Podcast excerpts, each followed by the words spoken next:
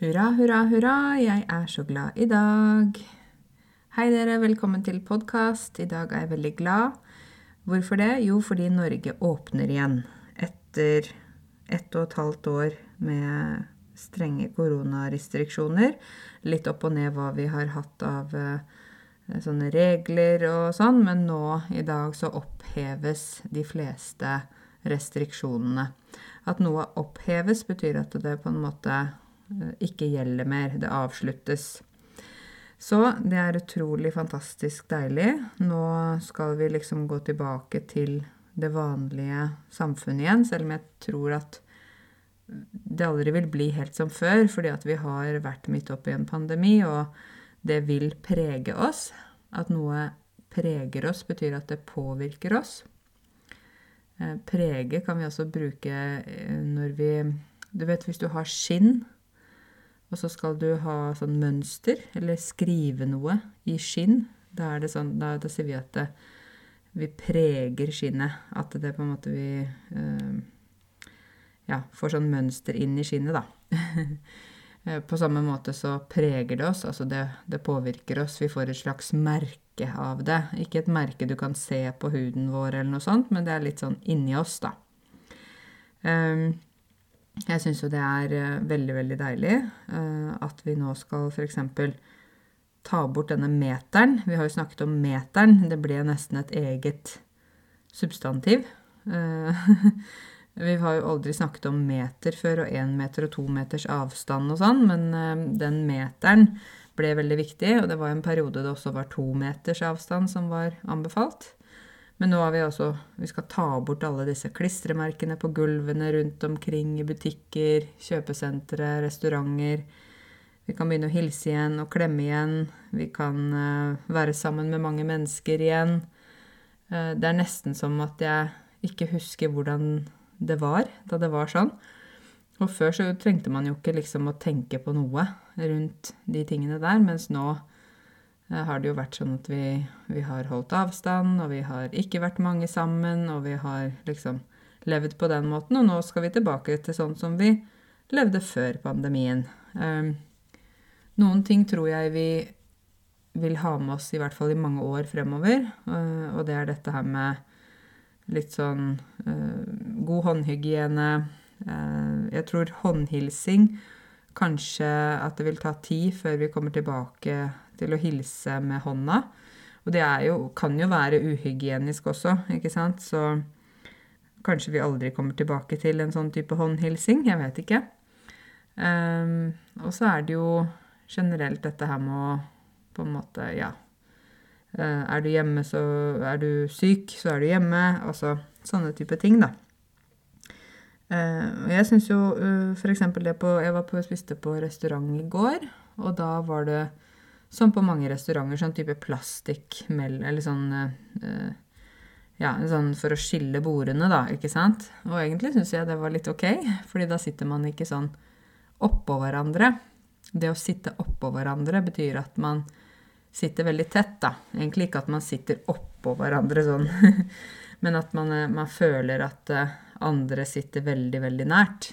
Men når du får disse her plastikk greiene mellom stolene. Du skjønner hva jeg mener, det er som en slags plastikkvegg. Så sitter ikke folk oppå hverandre på samme måte. Uh, så syns jeg det er fint at vi, vi kan godt ha sant, håndsprit, desinfeksjon i butikkene. Det skader jo ikke. Um, men, men, ja, at vi nå må begynne å tenke at vi skal tilbake til det vanlige livet, ja, det er viktig. Uh, jeg har en venninne som er sykepleier. Og hun sa til meg at nei, vet du hva, nå har jeg lyst til å bli eksponert for eh, bakterier. Jeg har lyst til å bli liksom bygge opp eh, immunforsvaret mitt igjen, da. For nå har jeg vært så forsiktig i så lang tid. Og til vanlig er det jo normalt at man blir eksponert for. Det betyr at man Et annet ord utsatt for, eksponert for. Kanskje begge de ordene var vanskelig. At man, man eh, får bakterier nær seg. Man blir eksponert for bakterier.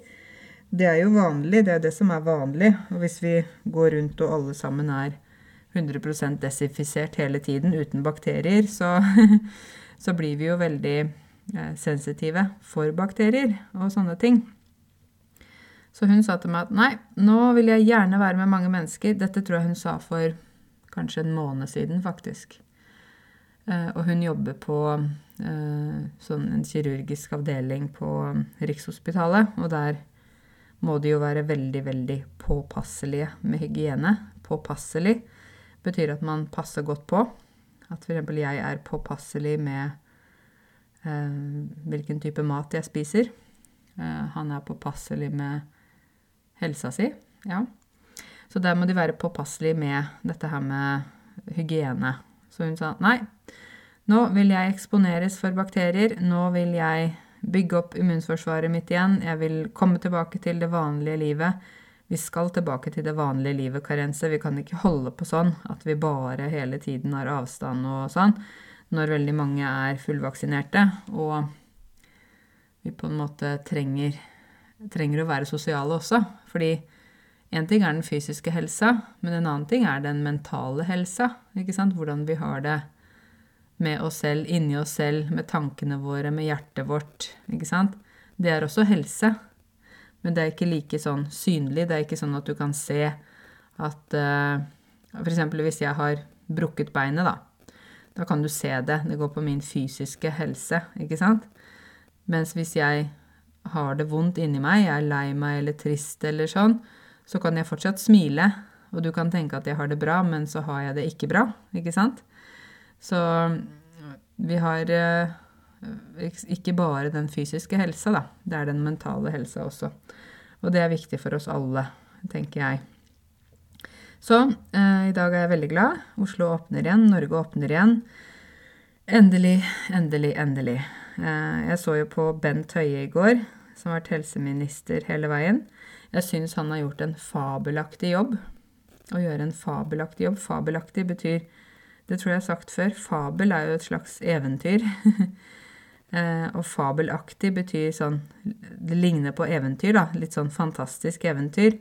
Så å gjøre en fabelaktig jobb betyr å gjøre en utrolig god jobb. Og jeg syns Bent Høie har gjort en fabelaktig jobb. Og også egentlig de i regjeringen. Jeg syns vi har vært flinke. Um, og i går så så jeg han på nyhetene da han hadde med seg en tommestokk. En tommestokk er sånn én um, meter lang stokk som snekkerne bruker til å måle ting og sånn med. Ikke målebånd, men tommestokk. Noen sier målestokk. Og så sa han det at jeg tok med meg denne målestokken, eller tommestokken, eh, her Jeg husker ikke ja, hva han sa, men han sa at nå nå kan vi legge den bort, men vi må ikke glemme den, ikke sant? Så ble han litt rørt. Husker dere det å bli rørt? Da blir man litt sånn følsom, kan begynne å gråte litt og sånn.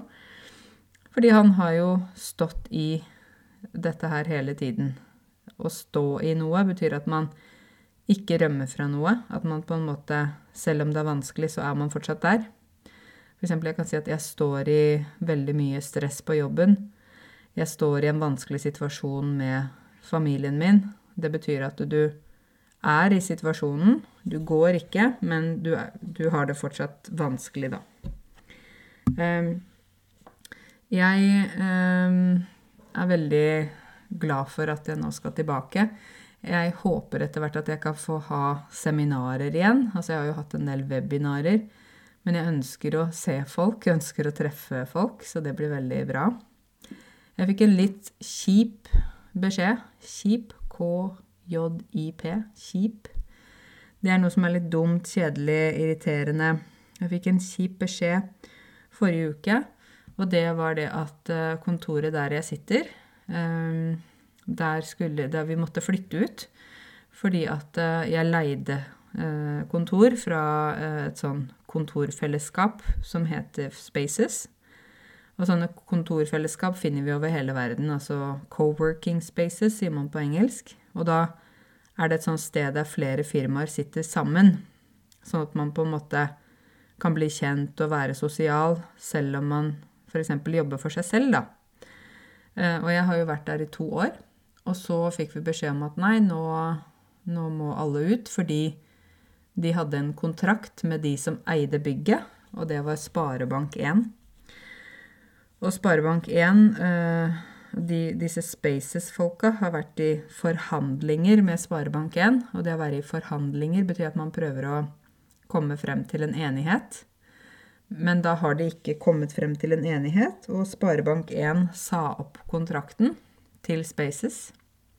Og Spaces igjen leide ut kontorer til mange av oss, ikke sant? sånn som meg og andre firmaer.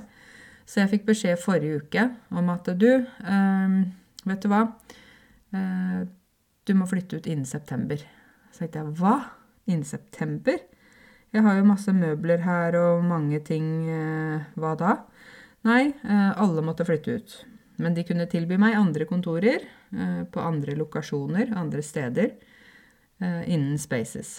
Og så var jeg så på et kontor, det var liksom veldig nede i sentrum. Da blir det veldig vanskelig f.eks. å parkere bil. Jeg har jo bil fordi av og til holder jeg foredrag, så jeg reiser litt rundt og sånn. Så jeg fant ikke noe liksom, sted via Spaces, da. Så jeg eh, begynte å lete rundt land og strand. Å lete land og strand, det betyr at man leter overalt. Det er sånn uttrykk. Jeg lette land og strand forrige uke for å finne nytt kontor. Eh, jeg var på flere steder, og det er jo veldig dyrt å leie lokaler i Oslo. Det er jo ikke billig. Eh, og tenkte åh, hvordan skal jeg finne meg eh, nytt kontor så fort? Men jeg er litt sånn at hvis det må til, hvis det er liksom Ja, hvis noe skjer, så er jeg sånn person som bretter opp armene, sier vi. Du vet når du har lang genser, og du skal gjøre noe, så tar du og bretter opp armene, sånn at eh, genseren kommer lenger opp på armen. Og det er et uttrykk. Å brette opp armene betyr at man bare setter i gang og jobbe. Ikke drive og tenke liksom 'Å, skal jeg gjøre dette?' eller 'Nei, jeg orker ikke, vil ikke'. Nei. Du bare bretter opp armene og jobber. Så jeg var rundt på mange steder. Ehm, og fant til slutt et kontor som var sånn helt nystarta sted. Veldig, veldig fint. Og det er også sånn eh, co-working space, eller sånn der det sitter flere forskjellige folk. Så jeg er veldig fornøyd med det. Og så pluss at jeg i tillegg eh, Den forrige uke så var jeg på sånn Jeg hadde foredrag for somaliske eh, damer. Det hadde jeg, jeg blitt bestilt De hadde bestilt meg for lenge siden om jeg kunne holde foredrag om litt om norsk språk og grammatikk og sånn. Og da var jeg på noe på Eh, Linnerud, Linnerud i Oslo, som eh, heter Startblokka. Og det er litt kult, fordi i Oslo, det er sikkert mange av dere som ikke bor i Oslo, men i Oslo så har vi flere bydeler, altså byen er delt inn i bydeler. Og hver bydel er på en måte som en liten by inni byen. um, og det der på Linnerud, det er bydel Bjerke, for dere som kjenner til det. Der er det eh, flere bygg som har blitt brukt tidligere til Siemens. Dere vet Siemens har sånn elektroniske apparater, vaskemaskin øh, Jeg vet ikke hva. Støvsuger, kjøleskap Ja. Og de satt der før, men så flytta de ut fra det stedet. Og da har det, den blokka har stått tom i mange år. Og så har da bydel Bjerke, som er en del av Oslo kommune, de har nå tatt den i bruk. Å ta noe i bruk betyr at man begynner å bruke det. Eksempel, jeg har kjøpt meg en ny mobil, og så kan jeg si nå har jeg tatt den nye mobilen i bruk.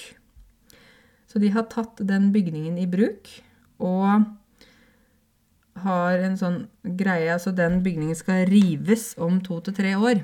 At noe skal rives, betyr at skal eh, Den skal liksom ødelegges, da. For de skal bygge noe nytt der. Da sier man at man river et bygg. Um, men inntil videre Inntil videre betyr på en måte ikke nå, men liksom inntil noe mer skjer. Beklager disse lydene. Det er Bahia som ligger her på gulvet og sover. um, inntil noe mer skjer, så skal de uh, la firmaer, frivillige organisasjoner, uh, ungdomsorganisasjoner og sånne ting skal få være der inntil videre. Eh, så da vil de gjerne at det skal være flere forskjellige aktører. En aktør er en Det kan være en, et firma, organisasjon eller noe sånt som jobber med noe spesifikt. Så de vil gjerne ha aktører som gjør noe positivt for nabolaget. Sånn at de bruker den muligheten og bruker det huset til at folk kan gjøre forskjellige ting der, være en del av nabolaget, bygge opp stedet. Så jeg, eh, jeg, var der og holdt foredrag for somaliske damer. Det var veldig hyggelig. De var veldig takknemlige. Vi hadde sånn livestreaming og alt mulig. Og så tenkte jeg etterpå hm, her kunne det jo vært fint å ha et språkkafé. Her kunne det vært fint å uh, ha kanskje noen kurs eller et eller annet. Og da ringte jeg dagen etterpå og spurte om de hadde noen ledige kontorer igjen, for det var mange kontorer som var tatt, da. Da leier de ut kontorer til firmaer, sånn som mitt firma og andre firmaer. Så de hadde noen kontorer uh, igjen, og da fikk jeg to av de, da, så jeg skal ha to rom der. Så det, det blir veldig bra. Så da har jeg liksom Høres litt rart ut, jeg er litt sånn overalt. Jeg har kontor Et kontor på Hasle i Oslo og et kontor på Linderud. Men jeg skal være litt her og litt der og ja. Så det blir veldig bra. Ehm, og da blir det flytting på mandag av kontortingene. og så har jeg tatt en del ting hjem. Det blir jo Altså, vi lærere, vi er sånn som har veldig mange ting. Fordi vi jobber med undervisning. Vi har mange bøker. Vi har mange liksom uh, Alt fra papirer til ting vi bruker i undervisningen. Altså, det blir fort veldig mye. Så jeg må ha et flyttebyrå som skal hjelpe til med å flytte, da. Eh, men vi sier det er aldri så galt at det ikke er godt for noe. Det betyr at selv om noe er veldig dårlig og veldig forferdelig, så kan du likevel få noe bra ut av det. Du kan likevel lære noe. Du kan Ja, du kan få et eller annet ut av det som kan være bra for deg, selv om når du står i den situasjonen, når du er der, så tenker du åh, dette er bare vanskelig, og alt er håpløst. Og så ser du etterpå, når du ser tilbake, så kan du si hm, ja, det var veldig vanskelig, men jeg lærte det og det. Jeg møtte den og den personen. Jeg ble sterkere som person. Jeg eh, bygget nettverket mitt. Jeg måtte et eller annet. Det er sånn alt som skjer i livet, tenker jeg, da. Så det er aldri så galt at det ikke er godt for noe. På min dialekt så sier vi det er, det er aldri så gærent at det ikke er godt for noe. ja, ganske forskjellig sånn dialekt, dialekt, dialekt. Ja. Så det var det. Eh, og så må jeg snakke litt om valget. Jeg lagde jo Forrige podkasten var jo dagen før valget. Og nå har det vært valg, og det er ferdig. Og vinnerne holdt jeg på å si, av valget ble jo da Arbeiderpartiet, Senterpartiet og eh, Sosialistisk Venstreparti, SV. Nå er de tre partiene i forhandlinger. Husker dere det nå, det ordet? Å forhandle, ikke sant? At man prøver å bli enige og prøver å på en måte finne riktig vei. Eh, de er i forhandlinger, eh, og det er sånn at Arbeiderpartiet gjerne vil jobbe og ha en regjering med både Senterpartiet og Sosialistisk Venstreparti. Mens Senterpartiet helst ikke vil ha med SV, altså Sosialistisk Venstreparti. Så de driver nå og forhandler, så blir det veldig spennende å se om de kommer frem til en løsning. Jeg er veldig glad for at vi fikk et regjeringsskifte nå. Jeg tenker at nå er det på tide med en forandring.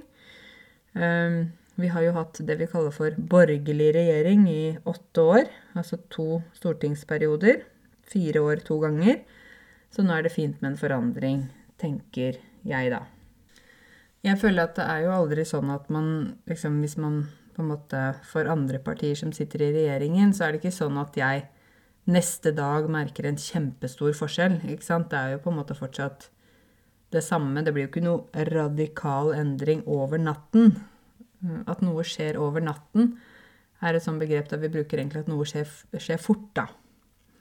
Så det skjer ikke noen store endringer over natten. Og Jonas Gahr Støre, som er leder av Arbeiderpartiet, han har jo ennå ikke tatt over som statsminister, for det tar litt tid.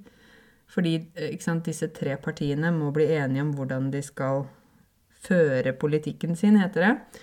Hvordan de skal gjøre dette her. Så um, de har ikke blitt enige ennå. Men det, det kommer. Så det er veldig bra. Jeg er glad for At det blir et regjeringsskifte. Det er det ordet vi bruker da når vi bytter liksom regjering. At det blir en annen regjering. Um, så det syns jeg er kjempebra, egentlig. Det er mye positivt som skjer nå. Uh, Norge har åpnet opp, vi har fått ny regjering. Uh, det er en fin høsttid nå, syns jeg. Uh, ja, det er egentlig veldig bra. Jeg er fornøyd. Um, jeg har jo liksom fulgt med litt i nyhetene. Da. Jeg pleier, altså jeg pleier jo å lese nyhetene og følge med på hva som skjer. Um, og det er en nyhet som jeg syns var jeg må nesten fortelle om den, selv om den er trist. Da. Selv om jeg, jeg har det bra nå, så syns jeg den nyheten var veldig trist. Og det var dette med det Nav-drapet i Bergen. Jeg vet ikke om dere fikk med dere det. Men det var altså en mann som uh, angrep uh, to av de ansatte, tror jeg, i, i, på Nav eh, i Bergen, i bergensområdet. Og de ble knivstukket. Det betyr at den mannen hadde kniv og stakk med kniv. Eh, den ene kvinnen overlevde, men den andre kvinnen døde på Nav. Eh, og da må jeg fortelle om da jeg jobba på Nav Grorud. Det var i 2013. 2013. Så øh, var det også et uh, samme lignende angrep på det Nav-kontoret jeg jobbet på. Jeg jobba på Nav Grorud den tiden, og uh, det var en av de ansatte der som jobba med forvaltning. Forvaltning betyr at man jobber med å på en måte ha ansvar for andres penger, da. La oss si de som ikke klarer å ha kontroll på sin egen økonomi, ikke sant? som driver og kjøper ting og bruker masse penger som de ikke bør bruke. De kan få sånn type at, de, at, det er Nav som forvalter pengene deres. Det er Nav som betaler regninger, det er Nav som har kontroll på alle de tingene. Og det øh, fikk da øh, en mann som hadde da ja, forvaltning via Nav. Og så er det jo sånn at de saksbehandlerne, de som jobber på Nav, de som jobber med forvaltning, de har ikke noe de har ikke noe sånn makt eller til som kan bestemme over pengebruken. Ikke sant? De bare på en måte betaler regninger og gjør sånne ting. Men da var det også en mann som kom inn med kniv, og som stakk Sånn knivstikking mot hun da Annie. Hun het Annie. Annie Godanger, tror jeg. Ja, og hun uh, var opprinnelig fra Indonesia. Uh, og hun hadde, var gift med en norsk mann og hadde bodd her i mange år. Jobba på Nav, gjorde en veldig god jobb. Var kjempeflink i jobben sin. Og hun døde da av skadene. Um, og sånn skal det jo ikke være. Det skal jo ikke skje sånne ting. Man skal ikke på en måte miste helt kontrollen, sånn at man angriper de som jobber på Nav. Selv om selvfølgelig det er mange som er i en vanskelig situasjon og sånne ting. Men likevel kan man ikke Man kan ikke på en måte gått løs på noen og angripe de på den måten der. Og jeg husker at det ble veldig sånn skjerpet sikkerhet. At noe blir skjerpet, betyr at det blir veldig man, man skjerper seg, man har fokus. Og at det er skjerpet sikkerhet, betyr at det blir veldig sånn fokus på sikkerhet, da. Jeg husker det var sånne Securitas-vakter som gikk inne på jobben. Vi fikk alarm, og jeg underviste jo mange folk, så jeg hadde sånn alarm under bordet, husker jeg. Som jeg kunne trykke på en knapp hvis jeg følte meg truet. Eh, jeg gjorde ikke det, fordi jeg, jeg jobba jo med norsk, jeg jobba ikke med folks penger, men jeg bare tenker at det, hvis noen da kan angripe noen som jobber der, ikke sant, det er jo helt forferdelig. Sånn at jeg Da jeg fikk greie på Å få greie på noe betyr at man får vite noe. Da jeg fikk greie på at uh, en mann hadde angrepet to kvinner på Nav i Bergen, og at uh, en av de døde, så fikk jeg sånn veldig sånn flashback. Altså fra den tiden på Nav da jeg husker at da hun Annie døde, og vi var uh, mye sammen, vi kollegaene. Vi var lei oss, vi sørga, vi trøsta hverandre. Uh, det var i begravelse, husker jeg. Og hun var jo fra Indonesia, så hun fikk familien sin fra Indonesia til å komme hit til Norge, da. Og tenk for en forferdelig beskjed å få. Altså, dattera di har flytta til Norge, gifta seg med en norsk mann. Jobber og gjør det bra. ikke sant? Sender sikkert penger hjem til de i Indonesia. Eh, forteller at alt går veldig bra. Og det gikk jo veldig bra. ikke sant? Hun hadde masse venner, og hun hadde nettverk, hun hadde god jobb, hyggelig svigerfamilie, god mann og alt mulig. Og så blir hun altså knivstukket på jobb. Det er helt uh, ubeskrivelig. Det betyr at jeg kan ikke beskrive det. Uh, og jeg var i begravelsen, uh, og jeg husker at foreldrene hennes, de var Altså, pappaen hennes var veldig, veldig trist. Jeg husker det Og mannen hennes måtte også liksom Ikke sant Stå der, da. Han var jo blitt alene. Han var blitt plutselig enke. Uh, unnskyld, han var blitt enkemann. Vi sier enkemann for mannen, og så dama er enke hvis hun mister mannen sin.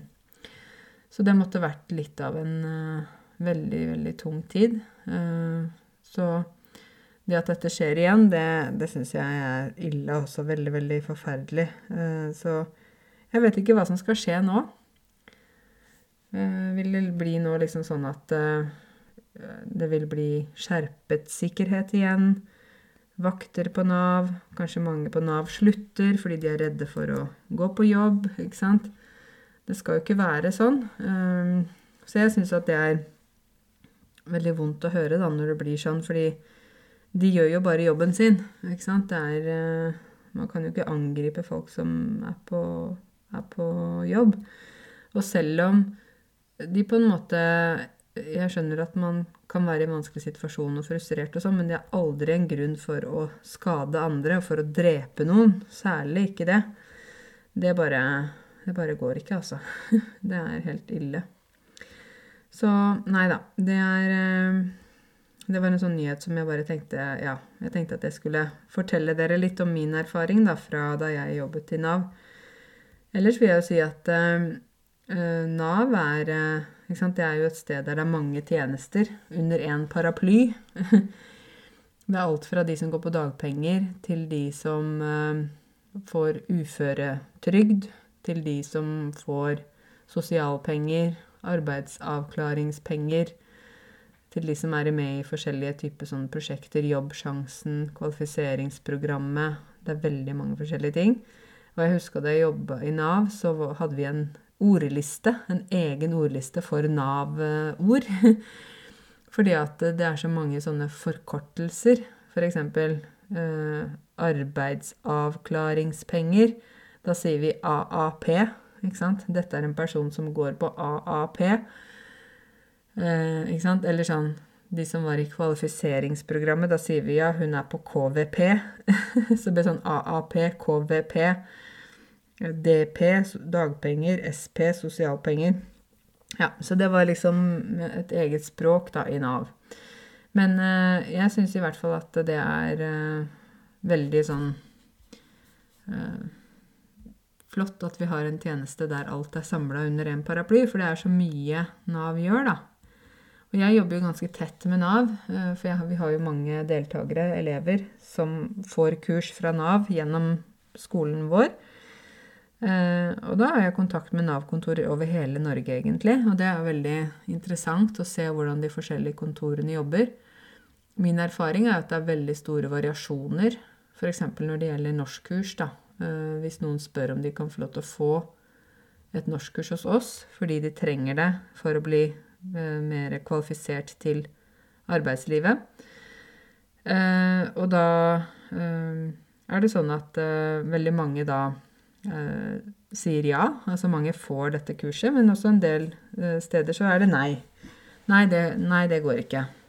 Men jeg tenker jo at eh, jeg, skulle, altså jeg skulle ønske at det var sånn at hvis man selv fant ut at det er noe man trenger for å komme videre i arbeidslivet, noe som er ganske konkret, da, f.eks. et norskkurs eller et datakurs eller noe sånt, så skulle jeg ønske det var litt lettere uh, å få det godkjent. Fordi uh, da tenker jeg at den personen har jo selv funnet ut noe som kreves for Eller som er bra for den personen å ta, da, uh, for å komme videre, for å bli mer kvalifisert til arbeid. Så Jeg skulle ønske det var litt mer sånn standardrutiner kanskje på Nav. At uh, man kunne liksom søke om å, å få kurs eller få til et eller annet. Så, men det er veldig store variasjoner. Så det er jo fordi det er mange kontorer da, og mange mennesker å forholde seg til, og masse forskjellig. Så, men likevel skulle jeg ønske det var litt mer sånn jevnt hva, hva Nav svarer, da. Eh, dere må fortelle om en ting som også var litt sånn Som har vært litt i vinden de siste, ja, siste uka.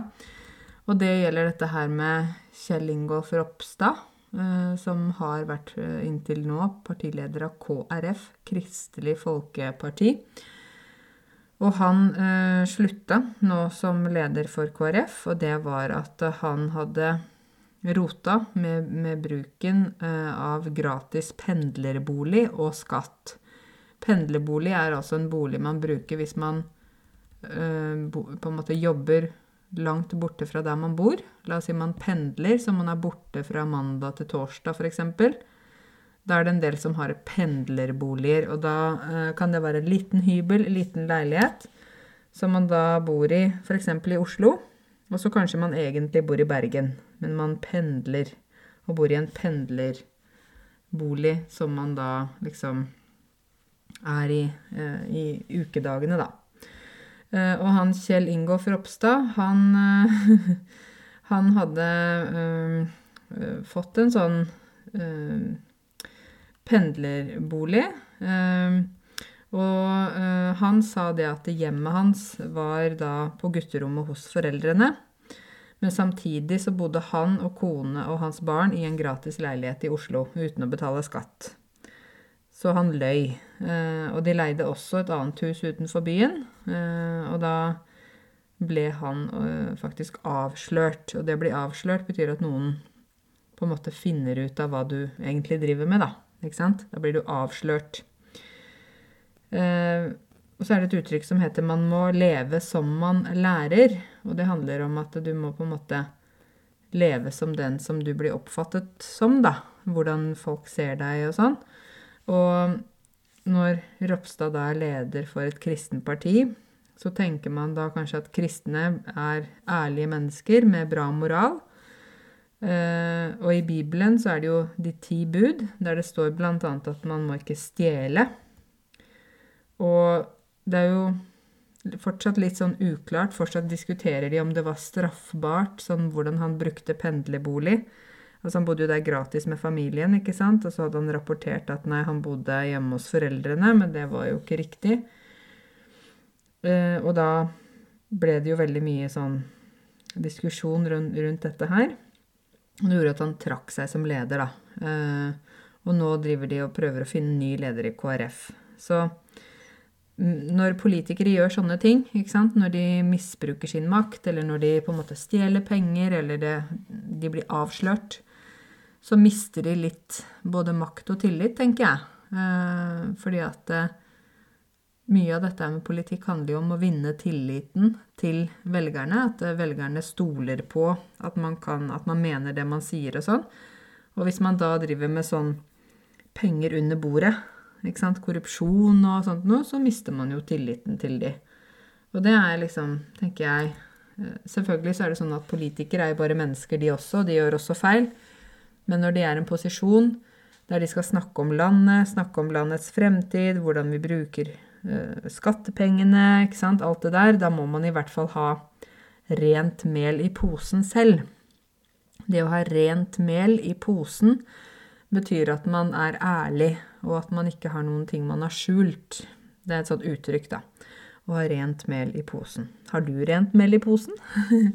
det håper jeg. Nei da. Så øh, det er jo en del som skjer med politikk, og jeg vet ikke om dere følger dere med på det. Er det interessant for dere, eller syns dere at det er kjedelig, liksom? Norsk politikk? Um, jeg tenker jo at uh, Før så var jeg ikke så interessert i politikk, og jeg var generelt ikke så interessert i nyheter heller. Men nå sjekker jeg nyhetene veldig ofte, kanskje fordi jeg har blitt eldre. Uh, jeg vet ikke. Men jeg liker jo å finne ut hva som skjer, og hva som rører seg i verden. Det at noe rører seg, betyr at det beveger seg. Hva er det som skjer nå i Norge? Hva er det som skjer i verden? Det er fint å vite, tenker jeg, fordi jeg bor jo her i verden. og jeg bor jo her i Norge, så jeg vil jo vite hva som skjer. Men generelt så er det på en måte ikke så øh, Kanskje ikke så spennende for alle, da, å øh, følge med på norsk politikk. Jeg vet ikke hvor engasjerte dere er. Men det er uansett fint å, å, lære litt, da. I hvert fall vite I hvert fall vite hvem som styrer landet. Hvis du bor i Norge, syns jeg du må i hvert fall vite det. Hvilke partier som sitter i regjering, og hva de står for. Hvilken politikk de fører. Å føre politikk, det heter det når man på en måte Hvilken politikk man har eller fokuserer på. Eh, så ja. Nei, det er, eh, det er, mange ting som rører seg, mange ting som skjer. Jeg har jo nå fått landet land, Å lande. Du vet når flyet lander. Jeg har fått landa nå etter bryllupet. Det var jo sånn veldig mye å gjøre før bryllupet. Og bryllupet var jo på en måte også veldig mye som skjedde. Og så liksom i dagene og noen uker etter så var det også sånn uh, Det er nesten en sånn ut av deg sjæl-opplevelse, sier vi. Ut av deg selv-opplevelse. En sånn der du føler at du Var det en drøm? Eller var det sant? Eller var det ikke sant? um, så uh, jeg husker liksom ikke hele dagen, på en måte. Fordi at det var så mye som skjedde, og det gikk så fort, og det var så mange mennesker, og det var sånn. Men jeg har jo fått masse bilder og sånt i etterkant, og det er veldig fint å se på. Så jeg tenker at vi hadde en veldig fin dag. Eh, I går faktisk så tok jeg bort de siste blomstene etter bryllupet. Altså vi fikk jo veldig mange blomster, så vi har jo hatt blomster over hele huset, overalt. Men nå var de blitt visne, så jeg fjerna de. Eh, det var litt sånn rart, for jeg tenker oi, nå har det faktisk gått ja, det har ikke gått en måned ennå, men det har jo gått noen uker. Tre uker er det vel nå? Eller ja. Um, så jeg har vært gift i tre uker. jeg vet ikke hvilket jubileum det er. Treukersjubileum. Nei, det er vel ikke så mye, men vi har liksom fått sett på alle gavene vi fikk, og sortert ting, og vi fikk masse fine kort, og vi fikk mange fine ting til hjemmet vårt, ikke sant, sånn tallerkener, glass, vannkaraffel, vi fikk eh, et epletre, et kirsebærtre, et hylleblomsttre og eh, magnolia fikk vi. Eh, så fikk vi noe gavekort. Et gavekort på Farris bad fikk jeg av lærerne på skolen min. Det var jo veldig hyggelig. Og så fikk jeg gavekort på uh, hotell i Gjøvik, uh, så vi skal dra en tur til Gjøvik. Og så fikk vi ja, vi fikk egentlig veldig mye forskjellig. Penger. Ja, litt forskjellig. Så jeg må si at nå har jeg landa litt. Det er, det er alltid sånn når man har store ting som skjer, om det er bryllup, eller om det er fest, eller om det er seminar, ikke sant, konferanse, alt mulig sånt, så blir det liksom mye stress i forkant. Um, så det er jo spennende og gøy, og samtidig litt slitsomt. Så det er jo litt godt når man liksom kommer og finner roen og kommer tilbake til hverdagen. Jeg liker hverdager, jeg, dere. Jeg, jeg er ikke så glad i sånn f.eks. sånn høytider og sånn. Når alt stopper, butikken er stengt, kontorene er stengt, man får ikke tak i noen, alle er på ferie, alle gjør ting. Jeg, er faktisk ikke så glad i, i det. Det betyr ikke at jeg ikke liker å være på ferie, eller at jeg ikke liker å slappe av, men jeg bare liker ikke når alt stopper opp. Um, så jeg liker faktisk hverdagene veldig godt, ja. Jeg trives med hverdager, og jeg trives med vanlige ting. Jobbe, trene, gå på tur med Bahia, lage mat, uh, finne på litt ting. Uh, sånne ting, det liker jeg. Jeg syns det er fint. Hverdagene er fine. Trenger ikke alltid være en fest hver eneste dag.